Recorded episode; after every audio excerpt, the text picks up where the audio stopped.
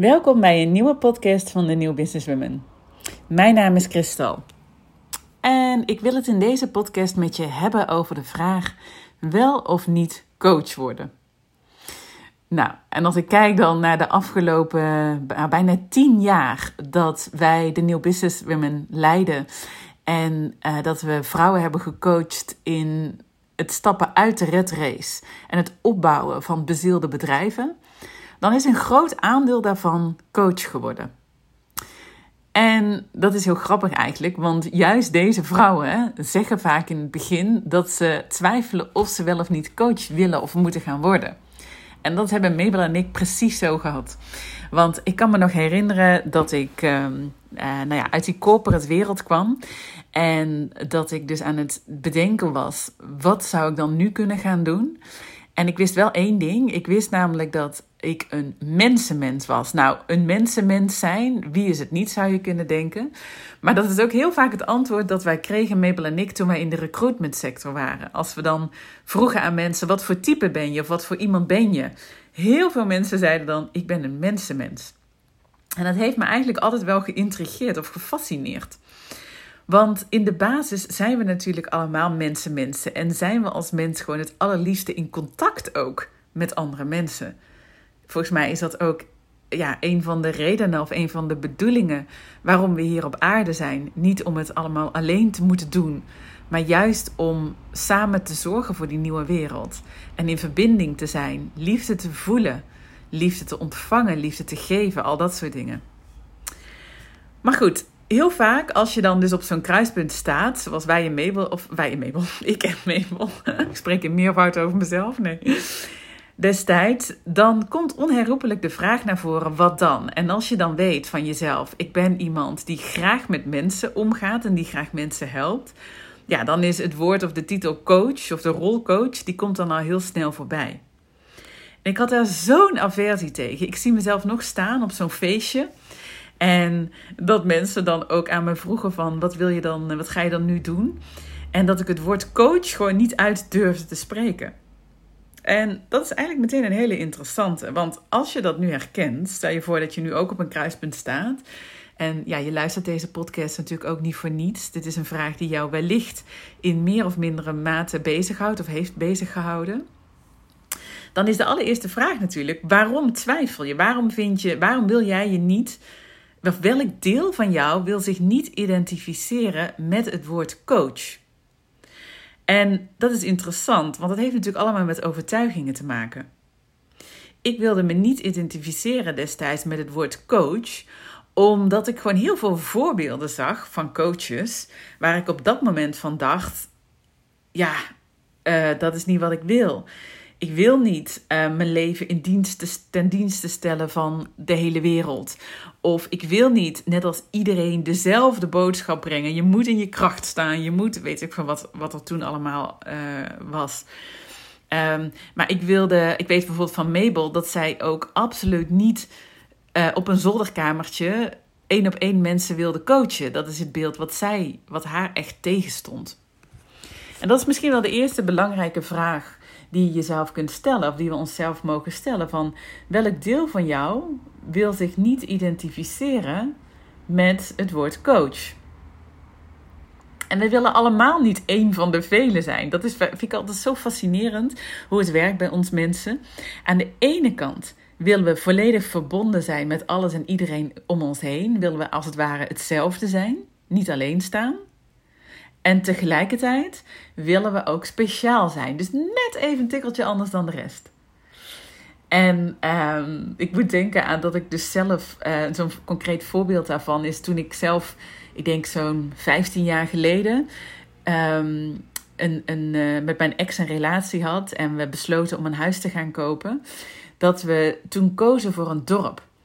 En een deel van mij, uh, die wilde heel graag in dat dorp wonen, want daar woonden al onze vrienden. Dus ik wilde ja, niet de buitenstaander zijn. Maar een deel van mij, het stadse deel in mij, zei ook: Ja, maar ik ben wel dat, die stadse vrouw die dan naar een dorp verhuist. Dus ja, ik wil wel net een tikkeltje anders zijn. En een deel van mij had dus ook weerstand om in dat dorp te wonen. En dat is volgens mij een discrepantie die in ons allemaal soms wel eens kan leven. En die ook kan gelden voor het woord coach. Dus een deel van je wil graag mensen helpen, het beeld wat je van coaching hebt. En een deel van je wil er ook van wegblijven, omdat je niet een van de velen wil zijn. En waarom willen we niet een van de velen zijn? Nou ja, het kan zijn dat we bang zijn voor schaarste. Dat er dus niet genoeg voor ons is als we coach worden. Dat er al zoveel zijn en dat jouw business of jouw coachingspraktijk dus niet rendabel kan zijn. Of het kan zijn dat er een dieper liggende angst onder zit dat uh, wat andere mensen van je denken. Dat je bijvoorbeeld veel mensen kent die ja, een beetje lacherig doen of afwijzend staan tegenover coaches of online coaches of hoe je het ook wil noemen. En dat je bang bent om dus afgewezen te worden daarop. Of nou ja, wat is eigenlijk je dieper liggende angst om jezelf niet met het woord coach te identificeren? Een van de dingen die ervoor heeft gezorgd dat we uiteindelijk toch voor dit coachingsvak zijn gegaan, volledig, is doordat we een anders naar het woord coaching gingen kijken. Mabel en ik. En um, dat vereist best wel wat. Want we hebben natuurlijk allemaal een bepaald beeld van een bestaand woord. Als je aan coaching denkt, ehm, dan kan er van alles bij je naar boven komen. Maar we hebben op een gegeven moment gezegd: oké, we laten dat woord coach laten we even los. En we gaan verder kijken naar wat is nou die dieper liggende purpose? Wat is nou eigenlijk de gedachte achter het feit dat we veel mensen willen bereiken of dat we mensen willen helpen? Uh, dat we dus mensen willen coachen. En we zijn eigenlijk veel meer gaan aanstaan op: oké, maar wat is de bedoeling en uh, waarom ben ik hier? Maar ook welke levenslessen heb ik die ik door wil geven? En uh, nou, al dat soort dingen. En uiteindelijk kwamen we er dus achter dat het woord coaching, zoals we dat kenden vanuit de oude omschrijving, zoals wij dat beeld hadden dan van het woord coaching, dat dat niet bij ons paste. Maar dat de essentie ervan, anderen helpen zoals wij dat ervaren, wel overeind mag blijven staan. En dat het af en toe niet slecht is om die essentie, dus te, te noemen dat je coach bent, omdat dat nou eenmaal tot de verbeelding spreekt van veel mensen. Alleen ik had zelf bijvoorbeeld ook wel echt een overtuiging op het woord coach. Dat je dus eigenlijk dat een goede coach heel veel geduld moest hebben. En dat een goede coach dus eigenlijk um, uh, de ander of de coachie het antwoord moest laten vinden. En daarom heb ik zelf heel lang getwijfeld van, ben ik wel een coach? Want ik heb soms helemaal niet het geduld of de zin om iets waarvan ik denk, nou, dat klopt of dat klopt niet, of dat is zuiver of niet, om dat dan helemaal door iemand anders te laten uitvinden. Alleen tegelijkertijd ligt daar ook weer de valkuil in het begin, als je gaat coachen volgens mij, van ja, dat je niet met een vooropgezet oordeel eigenlijk aan wil komen. Je wil wel kunnen luisteren naar je coaches. Dus voor mij is het woord ehm, coach met de jaren dat ik uh, meer ervaren ben, is dat ook gaan veranderen. Ik noem mezelf heel vaak coach naar anderen, maar ik doe dat niet op een manier waarbij ja, ik eigenlijk uh, iemand wil overtuigen of waarin je eigenlijk heel cognitief mensen ergens wil brengen. Ik kan het wel inzetten, maar mijn werkelijke bezieling ligt eraan om juist mijn helderwetendheid in te zetten. En mijn heldervoelendheid, zoals iedereen dat heeft. Elke vrouw heeft dat, of die helderziendheid. Dus eigenlijk om, ik, doe, ik ben coach omdat ik mijn intuïtieve gaven en mijn gaven op dat vlak voeding kan geven en dat eigenlijk ruimte kan geven. En dan vervolgens zet ik mijn nieuwsgierigheid aan om te voelen wat kan iemand ontvangen en waar resoneert iemand op. En voor mij is coaching echt juist het verrijken van je intuïtieve gaven. En juist in verbinding zijn met die ander. Uh, de ander willen begrijpen. Jezelf elke keer uitnodigen om niet met een vooropgezet oordeel of beeld of idee juist te komen en iets te geven. Maar juist de kracht van ontvangen. Van je eigen intuïtie en, en van wat je ziet gebeuren bij die ander. Die ander werkelijk kunnen begrijpen. En het gevolg daarvan is dat iemand tot grote hoogtes kan komen. Net als met een sportcoach. Dus ja, wat wil ik eigenlijk zeggen met dit hele verhaal? dat als je dus twijfelt aan het woord coaching, dat het dus vooral eigenlijk belangrijk is om te kijken hoe kan ik de definitie of de term, het beeld wat ik tot nu toe heb, hoe kan ik dat loslaten om te komen bij die ware essentie. En als je dan gaat kijken, we hebben allemaal een missie hier op aarde. Iedereen is een unieke ziel. Iedereen heeft eigen talenten en capaciteiten. Je kunt denken, er zijn er al zoveel. Dus, kom ik aan? Maar je kunt ook denken, en dat is eigenlijk wat ik altijd zelf heb gedacht. Ja, er zijn er heel veel. Dus er zal ook wel markt voor zijn. En ja, er zijn er heel veel. Maar ik ben er nog geen.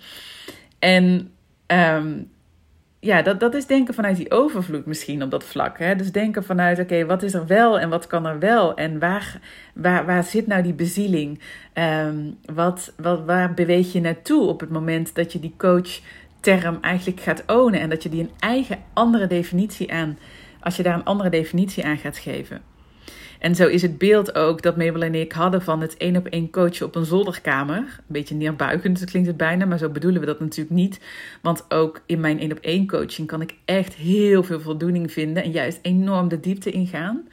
Maar wij voelden allebei ook dat het grootser mocht. En dat we juist heel erg geloven in een wereld waarin iedereen doet waarvoor ze bestemd is. En iedereen een purpose leeft. En dat die wereld en die planeet een stuk duurzamer en beter en mooier en liefdevoller mag zijn. En we, um, het beeld van op die zolderkamer, dat, dat zette ons niet aan tot grootste dingen of tot mooie stappen. Maar toen we gingen kijken van oké, maar hoe kunnen we dan een groot bereik creëren? Hoe kunnen we dan zoveel mogelijk mensen bereiken die hetzelfde gedachtegoed hebben als wij? En hoe kunnen we nou samen ervoor zorgen dat we ja, hè, onszelf tot grote hoogte brengen, onze unieke gaven aanboren, onze intuïtie laten spreken? Ja, toen werd het speelveld ook heel anders. En toen hebben we bijvoorbeeld in die beginjaren of nou, trouwens niet beginjaren. Corona is er even tussen gekomen. Maar we hebben eigenlijk vanaf het begin af aan ook al zo groot gedacht.